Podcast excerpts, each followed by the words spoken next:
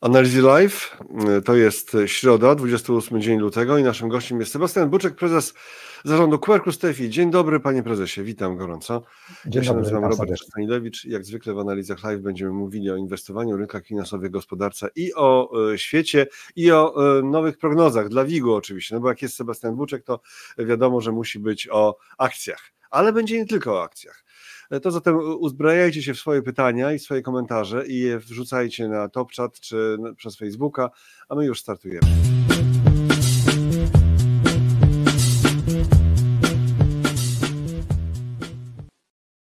Sebastian Buczek, prezes Quercus TFI, Robert Stanilewicz, Analizy Live. Mamy e, trochę czasu, żeby porozmawiać przede wszystkim o warszawskiej giełdzie, choć nie tylko, jak powiedziałem.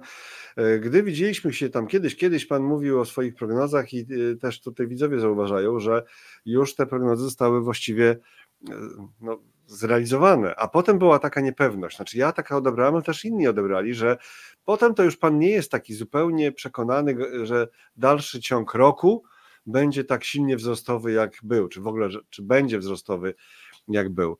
Za chwilę pokażemy też grafiki, jak ta sytuacja Pańskim zdaniem wygląda obecnie, ale na, na początek to chciałbym prosić o taką ogólną ocenę sytuacji, jaką teraz właśnie mamy. No, dzień dobry, witam jeszcze raz. Y, no, jesteśmy w hoście. Y, cieszymy się z nowych rekordów y, w lutym na warszawskiej giełdzie. A propos, wydaje się, że cały czas nie świętujemy tego w sposób należyty, bo wydaje się, że jest to wydarzenie bardzo ważne, a no mimo wszystko jakoś tak pomijane, a nawet y, część osób, które zauważa te rekordy, cały czas y, zastanawia się, no dobrze, to kiedy korekta albo kiedy koniec tych wzrostów i, i zamiast radości mamy ciągle y, właśnie jakieś takie zawahanie, a trzeba się cieszyć. Mamy 83 tysiące punktów na WIG-u.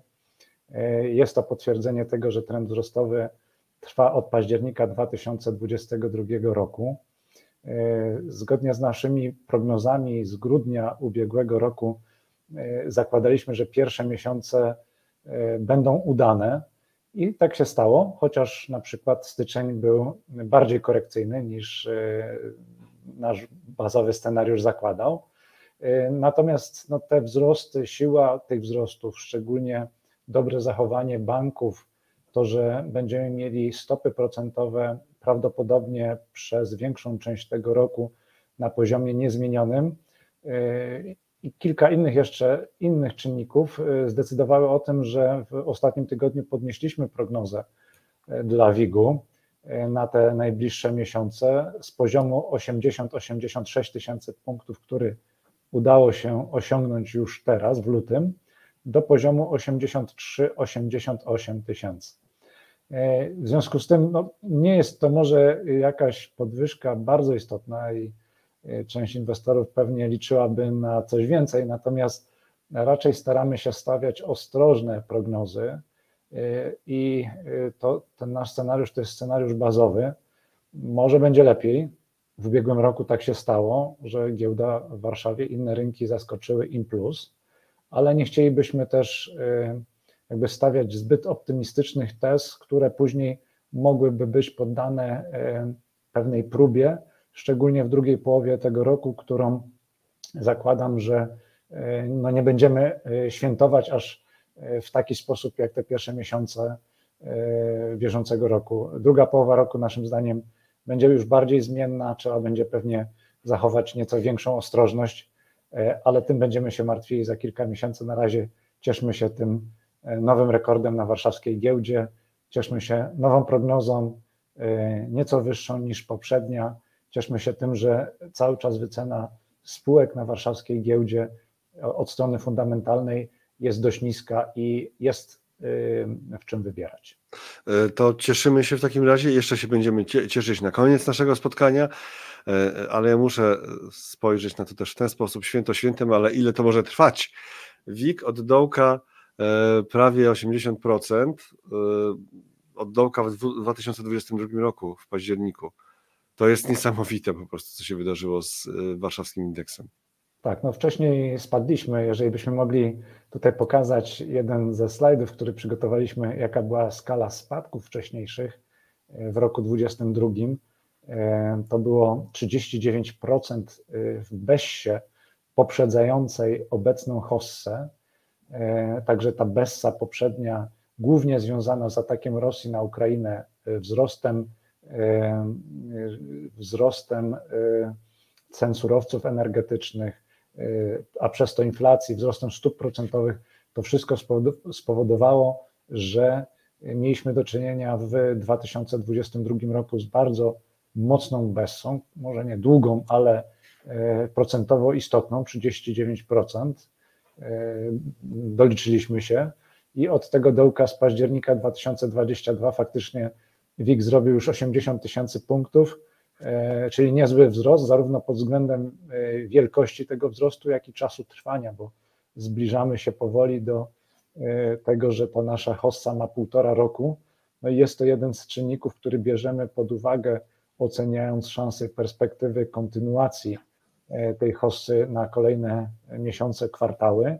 E, pod względem fundamentalnym, o tu właśnie mamy ten wykres, który pokazujemy w naszych prezentacjach, że poprzednia Bessa z 2022 roku to było minus 39% na WIG-u, obecnie WIG wzrósł o 83%.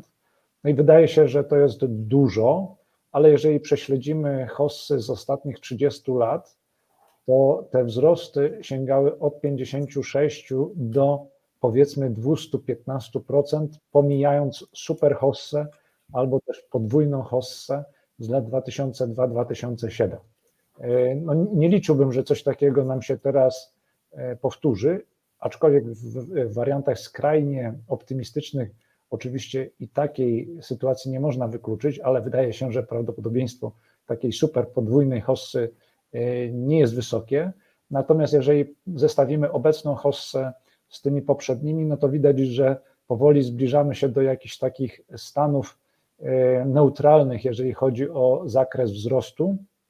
56-60% to były te e, najmniejsze hossy, jeżeli mhm. można nazwać, natomiast ta taka duża z jeszcze lat 90. to było 215%, przy czym tutaj nie ujmujemy, ze względu na to, że to był początkowy okres rozwoju naszej warszawskiej giełdy, superhossy z lat 92, 93, początek 94 roku, bo ona nam się tutaj by w skali po prostu nie zmieściła.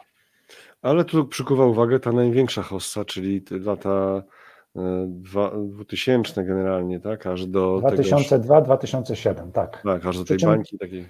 To była hossa na dopingu, tak, bo pamiętamy, że wtedy fundusze emerytalne w zasadzie każdego dnia otrzymując pieniądze z ZUS-u kupowały akcje na naszej warszawskiej giełdzie i y, no, ta sytuacja obecnie jest inna. Oczywiście ktoś wskaże, że y, istnieją w tej chwili PPK, że inwestorzy zagranicy mają mało polskich akcji, że w ogóle polskie gospodarstwa domowe mają mało akcji i że w jakiejś mierze no, ta sytuacja z lat 2002-2007 mogłaby się powtórzyć. Ja nie wykluczam, że kiedyś nam się taka super hossa podwójna trafi, ale wydaje mi się, że zakładanie takiego scenariusza teraz byłoby zbyt optymistyczne. Jest jakieś prawdopodobieństwo, ale to nie jest wysokie Równie dobrze można powiedzieć, że e, trzeba zakładać e, także pod, e, no tutaj pod uwagę, pod analizę brać scenariusze gorsze niż ten nasz wariant bazowy, czyli 83-88 tysięcy punktów na WIG-u. Wokół nas, jak zawsze, czyha wiele różnych czynników ryzyka, w związku z tym te skrajne prognozy trzeba być świadomym, że one istnieją Natomiast bazowy scenariusz jest taki, że te pierwsze miesiące bieżącego roku powinny jeszcze być dobre na warszawskiej giełdzie i faktycznie luty to potwierdził. Styczeń był, mm, można powiedzieć, zaskakująco słaby, ale troszkę to później e, zaczęliśmy rozumieć w ten sposób, że to była swego rodzaju, e, powiedzmy, realizacja zysków po bardzo udanym roku 2023. Zresztą w przypadku funduszy inwestycyjnych też widzieliśmy, że w styczniu były raczej umorzenia w funduszach z udziałem akcji, natomiast w lutym sytuacja się odwróciła, raczej są nabycia. Natomiast bardzo, bardzo duże nabycia są cały czas do funduszy dłużnych. Pewnie w dalszej części naszego programu jeszcze do tego wątku powrócimy. Ale reasumując e, kwestię WIG-u, jesteśmy w Hossie. Ta hossa trwa już blisko półtora roku. E, o tym nie możemy zapominać. Momentum jest cały czas pozytywne. Doszliśmy w tej chwili do połowy przedziału, który zakładaliśmy w grudniu, czyli 80-86 tysięcy, teraz jesteśmy na 83. Podnieśliśmy się z tą naszą prognozą do przedziału 83-88 tysięcy. Te różne historyczne przypadki hossy, tutaj mamy e, kolejny wykres pokazujący w jakim miejscu jesteśmy dzisiaj i to jest ta krzywa pogrubiona, czarna w stosunku do poprzednich hoss, no cały czas nam podpowiadają, że jeszcze tutaj miejsce i na wzrost i jeżeli chodzi o czas trwania hossy, jeszcze jest. Nie spodziewamy się, żeby ta hossa była tak znacząca jak ta z października 2002 roku, która trwała, proszę zwrócić uwagę, 800 sesji. Była rekordowo długa i też y, no, bardzo, y, bardzo gwałtowna, jeżeli chodzi o zakres. Natomiast y, mamy tutaj kilka hoss, które kończyły się gdzieś w okolicach 400 sesji i wydaje się, że gdzieś w tym kierunku będziemy w tej hoście e, do tego, w tą stronę zmierzać, także jeszcze chyba nie koniec tych e, pozytywów, e, z którymi mamy do czynienia w lutym na warszawskiej giełdzie. Ale pański optymizm jest taki lekko zdystansowany, rzekłbym jednak. Bo... E, to jest optymizm ostrożny, to znaczy, tak jak wspominałem, zawsze staramy się te nasze prognozy formułować raczej e, w sposób ostrożny i no, nie ukrywam, że gdzieś tam w grudniu wychodziło nam, że WIG idzie w kierunku 86 tysięcy punktów, ale woleliśmy postawić taką ostrożniejszą prognozę przedziałową 80-86 tysięcy i no, nie inaczej jest teraz. Także te nasze prognozy staramy się, aby one były y, dość konserwatywne po to, żeby po prostu y, nie zawieść też y, powiedzmy oczekiwań inwestorów i starać się, aby rynek raczej zaskakiwał im plus, a nie stawiać zbyt pozytywnych scenariuszy, które później no, nie sprawdzałyby się w rzeczywistości. Tomasz pisał jeszcze przed startem naszego spotkania, 80 tysięcy i co dalej? Jak, jeśli dobrze pamiętam, pan prezes mówił, że wtedy czas na redukcję akcji. No tak, oczywiście, tak jak każda hossa, tak samo i ta będzie miała taki moment, kiedy o tej redukcji akcji i redukcji e, ryzyka w portfelu trzeba będzie pomyśleć. Jeżeli ktoś jest e, bardzo ostrożny, no to można pewnie o tym myśleć już teraz, na koniec lutego, przy poziomie WIG 83 tysiące punktów.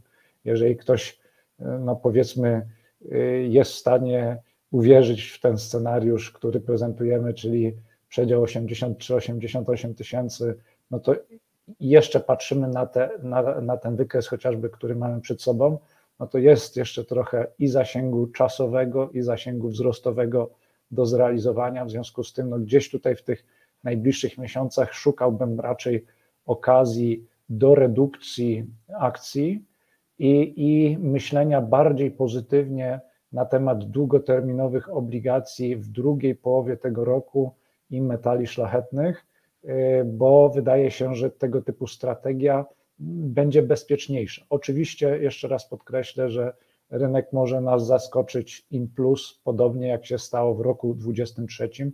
Y, nie zakładaliśmy w roku 2023 takiej skali zwyżek na giełdach, zarówno na naszej warszawskiej, jak i chociażby na giełdzie nowojorskiej, a tak się stało.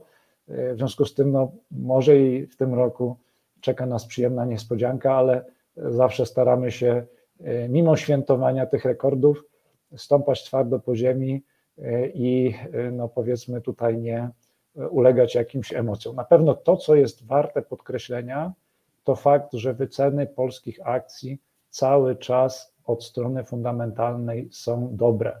Nie ma istotnego przewartościowania polskich akcji, może poza jedną spółką z tych dużych.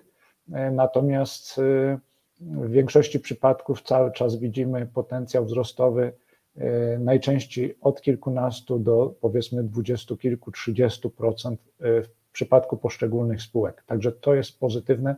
Nie mamy na przykład do czynienia z taką sytuacją, z jaką mieliśmy w 2007 roku, kiedy wyceny polskich akcji po prostu były bardzo, bardzo wysoko.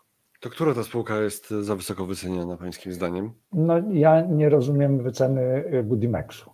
Aha, jest to wspaniała, wspaniała spółka, bardzo ładnie rozwijająca się, z rosnącymi zyskami, z olbrzymią pozycją gotówkową, wchodzącą w marcu w skład indeksu WIG20, ale od strony wycenowej przyznam szczerze, że nie rozumiem, być może, tak zdarzało się historycznie, być może, że spółka nadal będzie zaskakiwać im plus wynikami i za jakiś czas okaże się, że to rynek miał rację, a nie analitycy czy my w naszych prognozach, bo te prognozy y, są y, obecnie takie, że nie uzasadniałyby wycenę na poziomie powiedzmy 18 miliardów złotych kapitalizacji.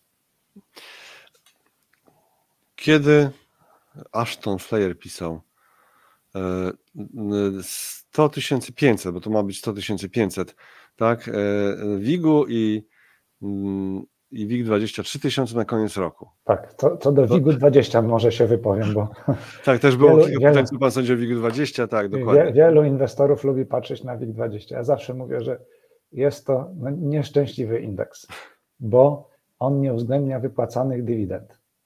I y, ostatnio sprawdzałem, jaka jest wartość indeksu WIG20 Total Return? Czy pan, panie redaktorze, może wie? Jaka jest? E, ja nie wiem, ale też lubię patrzeć na WIG20 Total Return, za chwilę go pokażę. Tak.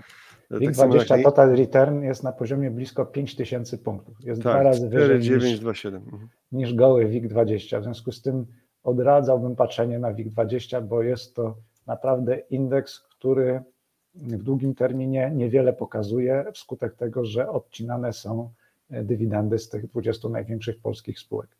E, natomiast jeżeli chodzi o poziom 100 tysięcy punktów na WIG-u, widziałem, że takie prognozy się pojawiły i życzę wszystkim inwestorom, również sobie, aby, aby w tym roku taki poziom udało się osiągnąć. Natomiast no, byłby to wariant z tych skrajnie pozytywnych, to znaczy e, musiałoby się, co musiałoby się zadziać, żeby e, taki scenariusz miał miejsce. No, wydaje się, że scenariusz na przykład tutaj za naszą wschodnią granicą musiałby się ułożyć y, po naszej myśli, prawda? Czyli y, koniec działań wojennych, jakieś rozwiązanie, które byłoby akceptowane przez wszystkie zainteresowane strony, no i jakaś wizja pokoju, przynajmniej na najbliższe kilka lat. No, taka sytuacja wydaje się, że mogłaby sprawić, że z tej hossy takiej normalnej e, te wzrosty zaczęłyby przeradzać się w coś większego. Na razie właśnie wątłe nadzieje, wątłe nadzieje chyba na taki scenariusz na razie z tego co słyszymy, e, tak. choćby po tym co powiedział ostatnio prezydent Francji mhm. Emmanuel Macron. Tak, tutaj mamy WIG20 to ten scena, Tak, tutaj jest WIG20 Total czyli to jest znaczy to jest taki element, który by nas jeszcze mocniej pchnął, ale wyniki spółek czy wyceny, to e, mówi Pan, że jest tam ten e, jeszcze margines do wzrostu po wycenach, tak? Wycenowo tak, jeżeli chodzi o wyniki spółek, no to też tutaj bym założył, że one są w szczytowej fazie, to znaczy wyniki polskich spółek są tak dobre, że w większości przypadków e, trudno oczekiwać istotnych wzrostów, istotnych pozytywnych zaskoczeń. Są możliwe w przypadku poszczególnych spółek wzrosty, na przykład nie wiem, w przypadku takiej spółki jak chociażby LPP czy, czy CCC, ten rok powinien przynieść poprawę wyników, natomiast już w przypadku banków raczej oczekiwalibyśmy stabilizacji czy nawet e, niewielkiego spadku wyników względem roku 2023. W związku z tym no tutaj też trzeba pamiętać o tym, w jakiej fazie wynikowej są spółki. W większości przypadków e, no, te wyniki są w tej chwili już naprawdę bardzo dobre, bardzo wyśrubowane i z tych poziomów trudno będzie o istotne dalsze wzrosty, istotne pozytywne zaskoczenia, jak to bywało w ostatnich kwartałach. Właśnie to dotyka, o czym Pan mówi, pewnego pytania, które pojawiło się na naszym top czacie. Co zdaniem Pana Sebastiana będzie niosło WIG w najbliższych miesiącach? Jaka branża? Banki pod wzrosty kredytów mieszkaniowych, budownictwo pod inwestycje z KPO, a może coś innego? No tutaj bym y, zakładał utrzymanie tych tendencji, które widzimy w ostatnich miesiącach, czyli tutaj w gronie liderów pewnie cały czas jeszcze banki. Wchodzimy powoli w sezon y, przeddywidendowy. Te dywidendy w przypadku banków polskich w tym roku będą zaskakująco już dobre w stosunku do tego, ile banki płaciły w ostatnich latach. W niektórych przypadkach te stopy dywidend będą przekraczały 10%, czyli naprawdę bardzo dużo. W związku z tym tutaj widziałbym jeszcze pewne miejsce na, na dostosowanie cen. Jeżeli chodzi o inne spółki, to bardzo szeroko widzimy tutaj możliwości wzrostowe, mniej więcej w takim tempie jak do tej pory, czyli no nie wskazywałbym może jakiegoś super preferowanego przez nas sektora, może za jakimś jednym małym wyjątkiem, ale to jest mały wyjątek, a mianowicie nasz mały sektorek, czyli TFI od pewnego czasu, głównie od drugiej połowy zeszłego roku, do funduszy inwestycyjnych płyną coraz większe środki. W styczniu 4 miliardy złotych napłynęły do naszej branży. Luty zakładam, że nie będzie gorszy, czyli mówimy o kolejnym miesiącu, kiedy te napływy są bardzo wysokie. I wydaje się, że spółki z naszego sektora tak do końca też nie są przez inwestorów dostrzeżone. I te wyceny cały czas są niskie, szczególnie biorąc pod uwagę, co zrobił WIG w ostatnich kwartałach i jakie są napływy do funduszy, szczególnie dłużnych w ostatnich miesiącach. Także tutaj nastawiałbym się na pozytywne niespodzianki, jeżeli chodzi o wyniki, momentum biznesowe.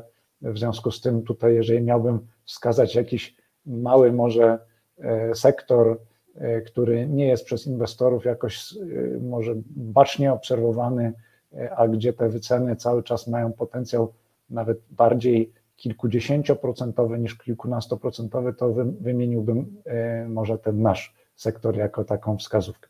Wiem, że część inwestorów gra pod, tu mam widzę wykres Quercusa, może, tak, tak. że nie będę, nie będę komentować, czy nasze akcje są atrakcyjne, czy nie, bo może do końca nie wypada, ale no, również nasze akcje wpisują się tutaj w te trendy, tendencje i wydaje nam się, że no, apetyt mamy na więcej jako zarząd firmy na pewno. Ale cena zysk żeby... 25 ponad, cena zysk 25 ponad. Y, tak, ale to jest bardzo cena, droga spółka. Cena do zysku nie uwzględniająca wyników za czwarty mm. kwartał. Y, w marcu będziemy podawali wyniki za czwarty kwartał i cały rok 23. Y, no, analitycy szacują, że w ubiegłym roku ten zysk nasz był na poziomie około 30 milionów złotych. Nie mogę się do tego odnieść, ale dzięki temu można policzyć, że ten wskaźnik cena do zysku, jeżeli analitycy mają rację, spadnie bardzo, bardzo mocno i e, widzimy, że pierwszy kwartał też to momentum wynikowe jest bardzo silne, bo napływy do funduszy i wyniki funduszy inwestycyjnych Quercus są też cały czas bardzo korzystne. E, ale wracając jeszcze może do tego, co interesuje inwestorów, na pewno takim tematem e, w ostatnich tygodniach są środki z KPO e, i tutaj no, są poszukiwania oczywiście spółek, które pod to można rozgrywać i, i pewnie tutaj też można byłoby się doszukiwać siły Budimexu, bo jest to lider branży budowlanej w Polsce i spółka, która niewątpliwie na tych środkach z KPO mogłaby skorzystać.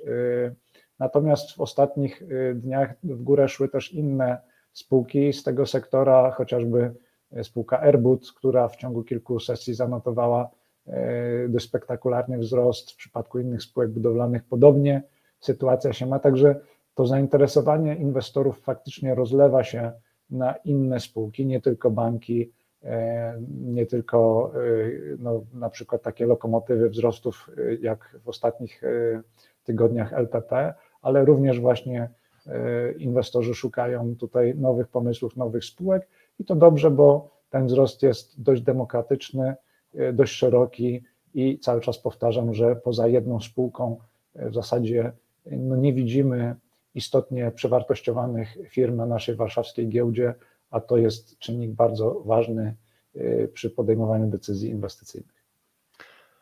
Czy założenie, że spółki Skarbu Państwa mogą hojnie wypłacać dywidendę w tym roku jest słuszne? Pyta Tomasz. Na pewno widzimy większą skłonność, szczególnie po bankach, jeżeli chodzi o e, możliwości dywidendowe. W ostatnich latach te możliwości były przycięte chociażby wskutek e, rezerw frankowych i tego, że e, regulator dość ostrożnie rekomendował bankom wypłacanie zysków w sytuacji, kiedy te kwestie frankowe jeszcze nie są rozstrzygnięte. Teraz wydaje się, że ten temat jest w dużej mierze już zagospodarowany. Także od strony banków na pewno czy PZU należy liczyć się z dużymi przepływami. W przypadku Orlenu została już podana informacja o dywidendzie troszkę powyżej 4 zł, a więc tutaj niezła, ale bez, jakiegoś, bez jakichś niespodzianek. Część inwestorów czeka na informacje, co z pieniędzmi, które są w JSW. Ja byłbym osobiście tak bardziej ostrożny, jeżeli chodzi o możliwości dywidendowe. Z kolei w przypadku tej spółki wydaje się, że raczej te środki będą strategicznie utrzymywane lub też przeznaczane na nowe projekty inwestycyjne. Cały sektor energetyczny myślę, że tutaj jest przed e, transformacją i w związku z tym tutaj w przypadku tych spółek nie oczekiwałbym e, dywidend. Podobnie w przypadku KGHM-u tutaj raczej też e, cena miedzi, wyniki bieżące nie sprzyjają tego typu decyzjom, raczej, raczej pewnie no, te dywidendy tutaj będą w okolicach zera albo, albo niewiele wyższe. O sam KGHM chciałem spytać, ale to w kontekście generalnie miedzi, w kontekście Chin, no bo to jest już jak KGHM to czynniki globalne. Tutaj widzi Pan jakieś szanse, żeby KGHM wrócił na, nie wiem, 150, nie mówiąc o 200 zł, czy raczej na razie nie, nie ma tych szans? Wszystko, wszystko jest możliwe, o ile oczywiście odpowiednio będzie się zachowywała miedź. Ta miedź w tym roku raczej no, nie zachowuje się y, mocno. Jesteśmy na poziomie mniej więcej minus 1,5% od początku roku, minus 6% w ciągu ostatnich 12 miesięcy. E, na pewno notowania miedzi i surowców są powiązane z tym, co dzieje się w Chinach, czy szerzej e, w Azji, e, ponieważ no, tam nie dzieje się może najlepiej, no to te notowania surowców też raczej są na dość niskich poziomach i, no i czekają na jakieś pozytywne informacje, głównie z Chin. I wtedy byłaby szansa pewnie na wzrost ceny miedzi, a y, razem z ceną miedzi pewnie i wzrost y, ceny KGHM. Wspominał Pan y, w początkowej części naszej rozmowy o obligacjach, tam się ten, ten, temat przejawił. I teraz do tego wątku przejdziemy. Ale oczywiście gdzieś tam pod koniec jeszcze na fali też Waszych pytań wrócimy pewnie do kwestii związanych z giełdami, z akcjami, a tutaj właśnie w polskie obligacje skarbowe, tak. dziesięciolatki i tak, no, czyli spadek tutaj, wzrost ceny. Tutaj można powiedzieć, że jesteśmy lepsi niż Amerykanie, bo hossa u nas trwa już rok dłużej. E, zaczęła się w październiku 2022 roku, podobnie jak hossa na rynku akcji. Natomiast w Stanach Zjednoczonych zmiana trendu na rynku obligacji nastąpiła równo rok później, w październiku 2023 roku.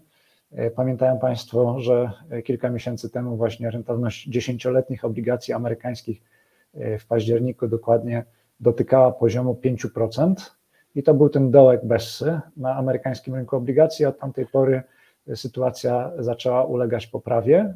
Ta hossa e, w Stanach rozwija się na rynku obligacji, może nie jakoś strasznie dynamicznie, ale wydaje się, że ma cały czas potencjał rozwojowy w perspektywie najbliższych kilkunastu miesięcy, co powinno sprzyjać również innym rynkom obligacji, w tym rynkowi polskiemu. Natomiast jeżeli chodzi o rynek polski, to ta hossa, e, co widać na tym wykresie, jest to widoczne poprzez spadek rentowności dziesięcioletnich obligacji, trwa od października 2022 roku. Wówczas rentowność tych naszych dziesięciolatek była na poziomie między 8 a 9%. Y, obecnie jest na poziomie około 5,3%. No i będziemy prawdopodobnie zmierzać w kierunku 4% na koniec tego roku lub y, w roku 2025, co oczywiście będzie pomagać stopom zwrotu z funduszy obligacji i funduszy dłużnych, które kiedyś e, nazywano funduszami gotówkowymi.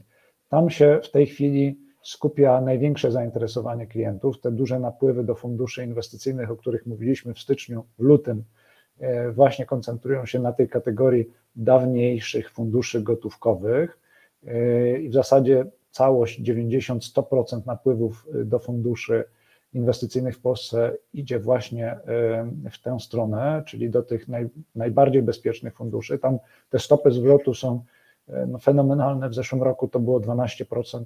W tym roku zakładamy, że będzie około 8%, czyli znacząco lepiej niż w przypadku depozytów bankowych przy pełnej płynności inwestycji. W związku z tym klienci wydaje się, że racjonalnie tutaj wybierają tę kategorię jako z jednej strony bezpieczną, a z drugiej strony bardziej rentowną niż, niż lokaty bankowe. I tutaj nadal oczekiwalibyśmy dużego napływu środków w kolejnych miesiącach. Jeżeli chodzi natomiast o fundusze stricte obligacyjne, zarówno polskie, jak i nie wiem, amerykańskie czy, czy zachodnioeuropejskie, tutaj zakładalibyśmy pewnie lepszą drugą połowę tego roku. Jak e, sytuacja na rynkach akcji troszkę dojrzeje e, i gdzieś tam e, no, bardziej namacalne będzie już obniżanie stóp procentowych, bo na razie o, o tych obniżkach stóp procentowych, czy przez Fed, czy Europejski Bank Centralny mówi się, Natomiast ze względu na ogólnie dobrą koniunkturę, czy to na rynkach, czy niezłą koniunkturę na przykład w gospodarce amerykańskiej, ten moment obniżania stóp procentowych raczej się troszkę przesuwa w czasie. W tej chwili mówimy gdzieś o okolicach połowy bieżącego roku, ale ten moment nadejdzie i, i wówczas pewnie inwestorzy y, cieplej pomyślą o tych obligacjach długoterminowych i te obligacje długoterminowe będą kontynuować pozytywne tendencje właśnie w drugiej połowie tego roku i prawdopodobnie również w znacznej części roku 2025. W związku z tym to nie jest tak, że y, powiedzmy w którymś momencie wzrosty na rynkach akcji się y, w większej mierze wyczerpią i inwestorzy nie będą już mieli y, okazji mm, do zarobku, będą, tylko prawdopodobnie trzeba będzie troszkę zmienić strukturę portfela, przejść z inwestycji bardziej ryzykownych w kierunku tych bezpieczniejszych i tam szukać swoich szans na y, drugą połowę y, bieżącego roku. Dobra koniunktura na rynku obligacji w Stanach, w Polsce powinna również zaowocować poprawą notowań metali szlachetnych. Jeżeli byśmy mogli tutaj pokazać e, chociażby wykres złota, e, wydaje się, że tutaj też jesteśmy w bardzo ciekawym momencie. E, hossa na rynku złota rozpoczęła się w trzecim kwartale 2018 roku. Przypomnę, że wówczas jedna uncja złota kosztowała 1200 dolarów. W ciągu dwóch lat mieliśmy do czynienia z bardzo silnym wzrostem do poziomu 2000 dolarów i teraz przez trzy lata jesteśmy w przedziale mniej więcej 1800-2000 dolarów. I tutaj zakładamy, że y, w drugim kwartale, a najpóźniej w drugiej połowie bieżącego roku jest szansa, że z tego kanału powiedzmy 1800-2000 dolarów wybijemy się w górę y, i wybijemy się ponad poziom 2050 dolarów, rozpoczynając czy kontynuując e, tą dłuższą tendencję wzrostową zapoczątkowaną e, w trzecim kwartale 2018 roku. Jeżeli tak by się stało, to kierunkiem dla złota powinien być poziom technicznie 2400 dolarów. Wstępnie taką prognozę dla złota stawiamy na rok 2025. E, no i oczywiście to mogłoby ulżyć też chociażby E, notowaniom kopalń złota, które e, początek tego roku e, no, nie mogą zaliczyć do udanych i, i trwa dyskusja no, na temat wyników funduszy złota, szczególnie tych, które inwestują w akcje kopalń, że one są no, relatywnie słabe w pierwszych miesiącach tego roku, ale raczej traktowałbym to jako swego rodzaju okazję z takiej dłuższej perspektywy mhm. do zajęcia pozycji po dobrych cenach i po to, co się wydarzy w drugim kwartale tego roku, albo e, najpóźniej w drugiej połowie tego roku i w znacznej części roku 2025. E, spotkałem się z taką opinią i będzie o tym też na naszym zbliżającym się e, forum inwestycji osobistych, ale będzie w jednym z materiałów dodatkowych na tym panelu, na stronie z dostępem do samej konferencji dla tych, którzy się zarejestrują, z taką tezą, że od 2016 roku netto do funduszy złota na świecie pieniądze nie napływają. Że e, złoto kupują banki centralne, ale inwestorzy nie i że to właśnie górnicy złota pokazują tak naprawdę miejsce, w którym złoto powinno teraz być, mhm. a nie ten wykres złota, że coś dziwnego stało mhm. się ze złotem właśnie w tej hości, o której Pan mówi, że to no raczej bym powiedział, że stawiałbym, że to złoto jest tym, y, tą y, mhm. kurą, a jajkiem są notowania y, kopalń, jeżeli tak możemy to określić. W związku z tym raczej patrzyłbym przez pryzmat notowań złota, bo jeżeli złoto się wypije ponad poziom 2050 dolarów, to moim zdaniem górnicy będą dość szybko odrabiać te straty z pierwszych miesięcy bieżącego roku i wszyscy sobie uświadomią, że no, to jest y, ciekawy sektor, ciekawa branża. E, no ale zobaczymy, na razie musimy się wybić ponad ten poziom 2050. Jeżeli tak się stanie, to też zwracamy uwagę na duży potencjał w drugim metalu szlachetnym, czyli w srebrze, który z reguły reaguje później niż złoto, ale za to z większą dynamiką cen. Przypomnę tutaj sytuację z lata 2020 roku, kiedy srebro w ciągu 3-4 miesięcy wzrosło o blisko 100%, także to pokazuje siłę tego drugiego, mniej wartościowego metalu szlachetnego. Natomiast no, tutaj jesteśmy pozytywnie nastawieni, szczególnie jeżeli sprawdzałaby się nasza teza, że rentowności obligacji w Stanach Zjednoczonych i na innych rynkach w drugiej połowie tego roku e, będą spadać. Tutaj inwestorzy myślę, że ten czynnik powinni wówczas dostrzec i no, w większym stopniu korzystać z, ze złota. Natomiast faktycznie, tak jak e, pan redaktor zauważył, ostatnie lata e, nie należą do, do, szczególnie udanych, jeżeli chodzi o zainteresowanie inwestorów indywidualnych takimi klasycznymi aktywami jak złoto. Bardziej to zainteresowanie, szczególnie ze strony młodszych inwestorów indywidualnych, przeniosło się w kierunku kryptowalut. Tam jest na pewno zdecydowanie bardziej emocjonująco, bo coś, co się może na złocie wydarzyć y, w ciągu na przykład y, roku, czyli wzrost rzędu 10%, na kryptowalutach czasami się dzieje w ciągu dwóch, trzech dni. W związku z tym, jakby to młodsze pokolenie preferuje inwestycje o większych tutaj zmianach, cen większej zmienności i na pewno Bitcoin, inne, inne, inne kryptowaluty są tutaj w obszarze zdecydowanie większego zainteresowania w tych ostatnich latach i również początek roku tutaj pokazuje, że, że to zainteresowanie się właśnie kryptowalutami utrzymuje na, na wysokim poziomie. E, panie prezesie, sam pan, sam pan wywołał temat, więc, e, więc proszę bardzo, co pan sądzi o tym? E, no bo musi to być gdzieś tam w zasięgu jakiejś refleksji nawet zarządzającego klasycznymi aktywami, bo wpisał się ów Bitcoin w taką, taką rzeczywistość inwestycyjną. I czy to coś pokazuje?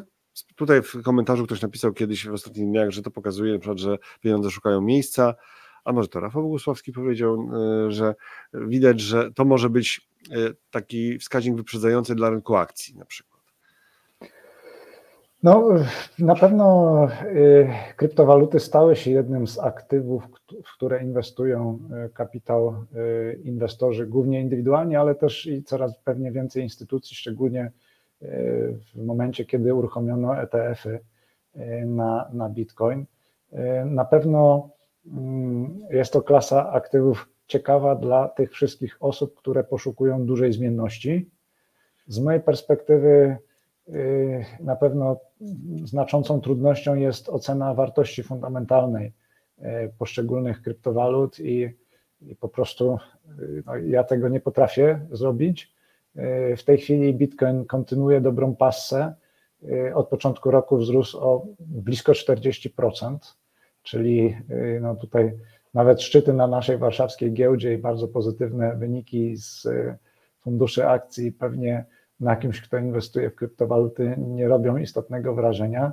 Natomiast no tutaj oczywiście ta zmienność notowań bywa wysoka, bo przypomnę, że w 2022 roku Bitcoin stracił 2 trzecie na wartości, a w roku 2023 było plus 160%, o ile dobrze pamiętam. W związku z tym ta zmienność tutaj jest duża. Trzeba po prostu oswoić się z taką myślą, że część osób, które zajmuje się inwestowaniem, będzie sięgać po te aktywa. Prawdopodobnie coś następnego zostanie wymyślone e, w przyszłości, może właśnie przez sztuczną inteligencję, jakieś inne sposoby na inwestowanie czy też spekulowanie e, na, na, na rynkach finansowych. Trudno mi tutaj e, powiedzieć. To nie jestem ekspertem, reasumując, pozostawiłbym okay. tu przestrzeń dla osób, które się tym rynkiem tak. zdecydowanie bardziej zajmują ode mnie. Tutaj e, ktoś sobie życzył, żeby pokazać, o właśnie, Piotr Maciek proponuje na ten wykres złota wrzucić bitcoin do porównania. Ok. I też się Piotr Maciek upiera, że nie dużej zmienności, tylko dużych zysków. E, panie prezesie Sebastianie. No, Okay. Tak, tak. No jeżeli, weźmiemy, jeżeli weźmiemy pod uwagę na przykład bitcoin e, i zobaczymy na stopy zwrotu za ostatnie 10 lat, no to e, stopa zwrotu z Bitcoina za ostatnie 10 lat wynosi 10 tysięcy procent. Tylko e, no ja zawsze czuję pewien taki niepokój, jeżeli miałbym w coś inwestować, co urosło przez 10 lat 10 tysięcy procent, prawda? No bo nie wiem, czy w perspektywie następnych 5 czy 10 lat to aktywo będzie warte no pewnie nie 10 tysięcy procent więcej, ale x procent więcej, a może x procent mniej. No trudno mi jest powiedzieć, bo po prostu nie jestem w stanie oszacować tutaj jakiejś wartości, do której no, ten, mhm. te no notowania no mogłyby nawiązywać. Ale tutaj ktoś znalazł taką wartość, do, do, czego mogą nawiązywać, ale to w innym zupełnie, zupełnie ujęciu. Piotr pisze, Bitcoin w porównaniu z wczorajszym wzrostem spółki Viking Therapeutics, Bitcoin to, Bitcoin to martwe aktywo, a ta spółka urosła wczoraj 121%. Takie spółki się zdarzają, ale również się zdarzają spółki, które w ciągu jednej sesji potrafią kilkadziesiąt procent potanieść, no także to jest wszystko zależy od tego, czego inwestorzy e, szukają na rynku, prawda? I mhm. ja tutaj zawsze podaję taki przykład spółki no, LPP, prawda? Która, którą wszyscy praktycznie znamy. Jest to spółka, która e, w ostatnich dniach weszła na nowe szczyty swoje notowań historyczne. No i ktoś powie, no e, wolę bitcoiny i wolę inwestować w aktywa ryzykowne, z drugiej strony mamy inwestorów, którzy powiedzą, wolę inwestować w dobrze zarządzaną spółką, której zarząd pracuje nad wzrostem wartości i w długim okresie czasu ktoś może kupić akcje LPP i na tym bardzo dobrze zarabiać. A w przypadku e, kryptowalut, no, zakładam, że część transakcji to są transakcje o charakterze krótkoterminowym, które czasami są korzystne, zyskowne, czasami pewnie nie. No, tutaj mhm. nie chciałbym w żaden sposób krytykować inwestowania w kryptowaluty. Ja tego nie robię, może po prostu jestem na to za stary, ale, no, ale nie odmawiajmy inwestorom prawa do tego typu inwestowania. Pewnie w przyszłości pojawią się nowe instrumenty, o których nawet dzisiaj nie mamy żadnego pojęcia. E, część z nich e, przyniesie stopy zwrotu takie jak Bitcoin przez ostatnie 10 lat, a część z nich po prostu umrze śmiercią naturalną. Tak wygląda sytuacja na rynkach finansowych od wieków. Ugryzę się w język do tego, do czego kryptowaluty też służą. Ugryzę się tym razem w język, tak, jaki tam jest ciemna strona tego medalu bo już się narażałem ostatnio mm, osobom, które inwestują w kryptowaluty, więc może rzeczywiście zamilknę. I teraz jeszcze podsumowanie, panie prezesie. Czyli co? Czyli mamy. Mm, świętujemy. E, świętujemy, świętujemy, tak? Świętujemy. Świętujemy, ale tutaj jeszcze rozumiem, że najpierw o tych czynnikach, e, o ryzykach może jeszcze dwa słowa, mhm. prawda? Bo tutaj postawiliśmy kilka tez inwestycyjnych, do których jeszcze wrócimy pewnie na na koniec. Natomiast jeszcze o tych czynnikach ryzyka. Dla mnie największym czynnikiem ryzyka jest cały czas wojna w Ukrainie, e, agresywna polityka Rosji, e, no, zmiana strategii Rosji już w 2014 roku. E, no i tutaj bym powiedział, że to jest element, z którym musimy się nauczyć żyć, ale i też musimy jako państwo i pewnie jako cała Europa Y, robić coś, co to ryzyko będzie y, zmniejszać w przyszłości. Czy to robimy? Wydaje mi się, że nie. Ale tutaj to jest pewnie temat na odrębne spotkanie i dyskusję y, dłuższą, co powinniśmy robić, a co robimy i co robi cała Europa. Każdym razie to ryzyko jest, musimy być jego świadomi. Jeżeli chodzi o inne ryzyka, to wymieniłbym również kwestie wysokich stóp procentowych na świecie. Te wysokie stopy procentowe, one o dziwo na razie jakoś mocno nie oddziały, oddziałują na e, globalną gospodarkę. Są miejsca, gdzie pewnie bardziej niż w innych, na przykład w Stanach Zjednoczonych no, wzrost PKB za zeszły rok okazał się dużo lepszy niż zakładaliśmy, ale już w Europie te wysokie stopy są bardziej odczuwalne i wydaje się, że tutaj Europejski Bank Centralny, jak tylko będzie miał okazję, to pewnie właśnie skorzysta i zacznie te stopy procentowe e, obniżać. E, na pewno czynnikiem ryzyka są różnego rodzaju kwestie polityczne. Mamy jesienią wybory w Stanach Zjednoczonych. Zwykle historia pokazuje, że te kilka miesięcy przed wyborami to jest okres takiej większej nerwowości związanej e, z różnego rodzaju obietnicami czy wypowiedziami poszczególnych kandydatów. i zakładałbym właśnie, że gdzieś tam w okolicach, no powiedzmy końcówki pierwszego półrocza, trzeci kwartał to będzie taki okres e, dość intensywnych, bym powiedział, zabiegów ze strony republikanów i demokratów o, o zwycięstwo w wyborach. Natomiast później historia uczy, że po wyborach sytuacja bez względu na to, który przywódca zostaje wybrany, uspokaja się. Także E, zakładałbym e, no, wzrost ryzyka takiego powiedzmy przedwyborczego, kilka miesięcy przed wyborami w Stanach i później uspokojenie już po.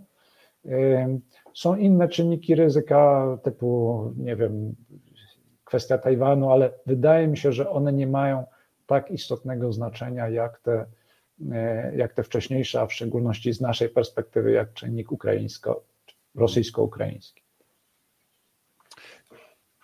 I w takim razie jeszcze też pokażmy na koniec e, w jednym miejscu prognozy na 2024 rok i tutaj mamy właśnie... Tak jest. Cały tak, czas jesteśmy w trendzie wzrostowym.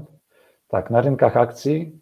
E, podnieśliśmy w ostatnim tygodniu prognozę dla WIG e, z przedziału 80-86 tysięcy punktów do 83-88 tysięcy i naszym zdaniem to jest do osiągnięcia w tych pierwszych miesiącach bieżącego roku.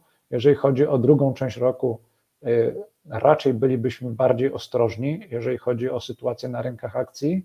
W drugiej połowie roku raczej szans widzielibyśmy, upatrywalibyśmy bardziej y, na rynkach obligacji, y, spadek rentowności, cięcia stóp procentowych, metale szlachetne, może właśnie górnicy złota, srebra, może tam, gdzie właśnie w tej chwili ta sytuacja jest no, taka mało satysfakcjonująca dla inwestorów.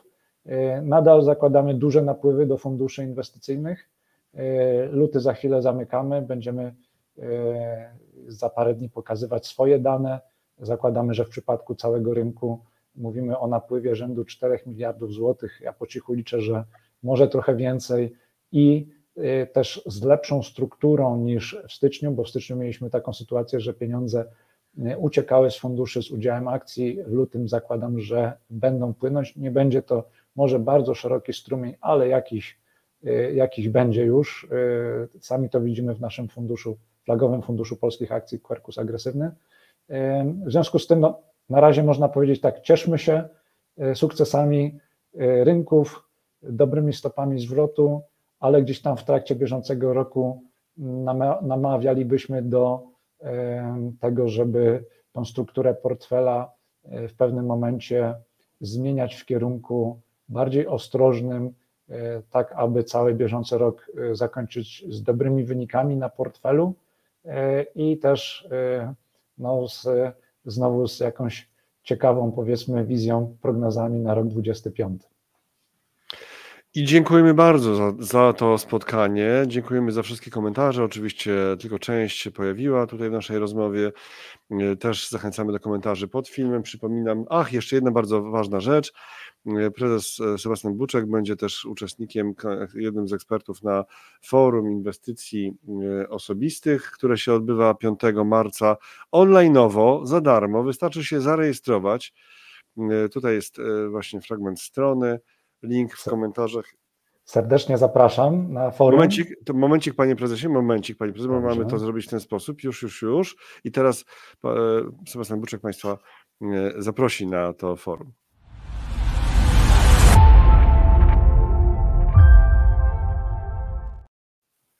Zapraszam Państwa na forum inwestycji osobistych 5 marca, szczególnie na panel, w którym będę miał przyjemność występować o godzinie 15.15. .15 mam nadzieję, że będzie dużo ciekawych informacji.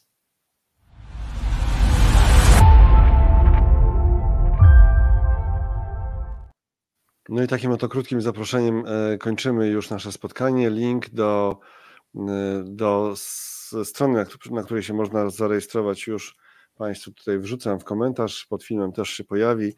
Zachęcamy onlineowo, bezpłatnie. A jeżeli ktoś chciałby przyjść osobiście, bo jest taka możliwość, to jest e, wejściówka do nabycia na portalu Kiket e, za 49 zł. E, Galeria Młociny, Teatr WAM, 5 marca tego roku oczywiście, już za kilka dni. A proszę bardzo, tu jest, tym, to jest ten portal z biletami, tutaj można wpisać sobie, wystarczy forum wpisać, już od, od razu się wyświetla proszę bardzo, tu jest kolejny link akurat do tego miejsca i można też być osobiście i posłuchać e, na przykład e, Sebastiana Buczka też na żywo. Może nawet o coś zapytać. E, szanowni Państwo, dziękujemy bardzo za to, co było dzisiaj. Zachęcamy do komentarzy pod filmem i zachęcamy do zrobienia sobie subskrypcji kanału Analizy Live. Panie prezesie, bardzo dziękuję za poświęcony czas i do zobaczenia oczywiście przede wszystkim teraz na mm, forum inwestycji osobistych, a potem e, gdzieś za jakiś czas w naszych live'ach na kanale Analizy Live. Dziękuję bardzo, do zobaczenia. Bardzo dziękuję i udanych inwestycji.